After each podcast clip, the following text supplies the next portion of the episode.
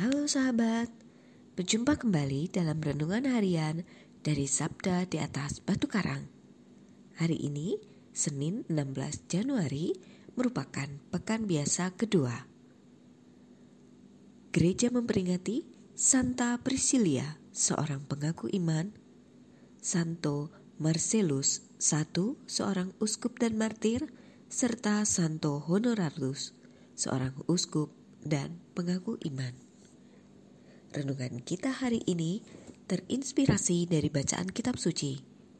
Bacaan pertama dari surat kepada orang Ibrani bab 5 ayat 1 sampai dengan 10 dan bacaan Injil suci dari Injil Markus bab 2 ayat 18 sampai dengan 22. Mari kita siapkan hati kita untuk mendengarkan sabda Tuhan.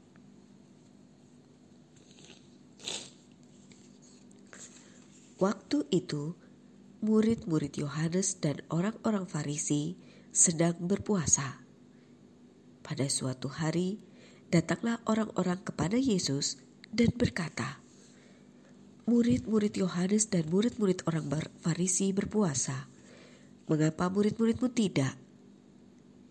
Jawab Yesus kepada mereka, Dapatkah sahabat-sahabat pengantin pria berpuasa selagi pengantin itu bersama mereka?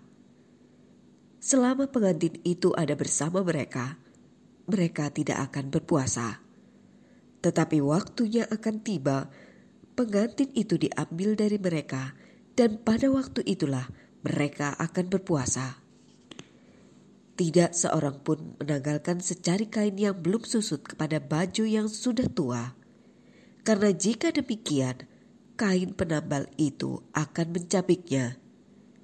Yang baru mencabik yang tua, sehingga makin besarlah koyaknya. Demikian juga, tak seorang pun mengisikan anggur baru ke dalam kantong kulit yang sudah tua.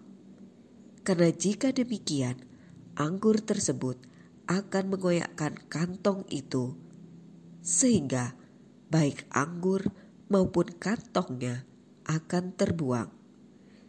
Jadi anggur yang baru hendaknya disimpan dalam kantong yang baru pula. Demikianlah sabda Tuhan. Terpujilah Kristus. Saudara-saudari yang terkasih, mungkin kita sering mendengar istilah energi atau teknologi terbarukan, yaitu suatu kemajuan di bidang teknologi atau sumber energi yang selalu dapat pembaharuan, yang mampu digunakan terus-menerus serta tak terbatas. Bagaimanakah dengan iman kita? Adakah selalu pembaruan hidup yang terus-menerus? Dalam bacaan Injil pada hari ini, dikisahkan keangkuhan orang-orang Farisi yang menunjukkan kebiasaan berpuasa dua kali seminggu sehingga terkesan angkuh. Mereka juga terkesan fanatik yang selalu membuat kebiasaan mereka menjadi pedoman mutlak yang harus diikuti banyak orang.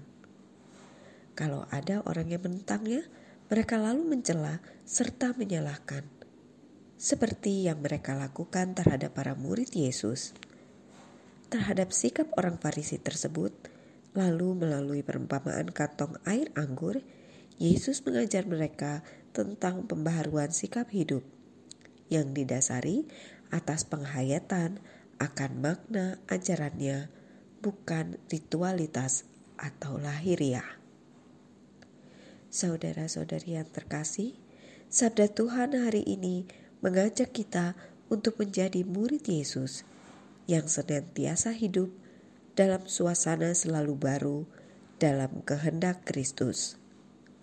Semoga dengan terang Roh Kudus kita dimampukan dalam memperbarui hidup beriman kita dalam keselarasan dengan tujuan dan kehendak Tuhan. Ya Yesus, Engkaulah sang pembaruan hidupku. Amin.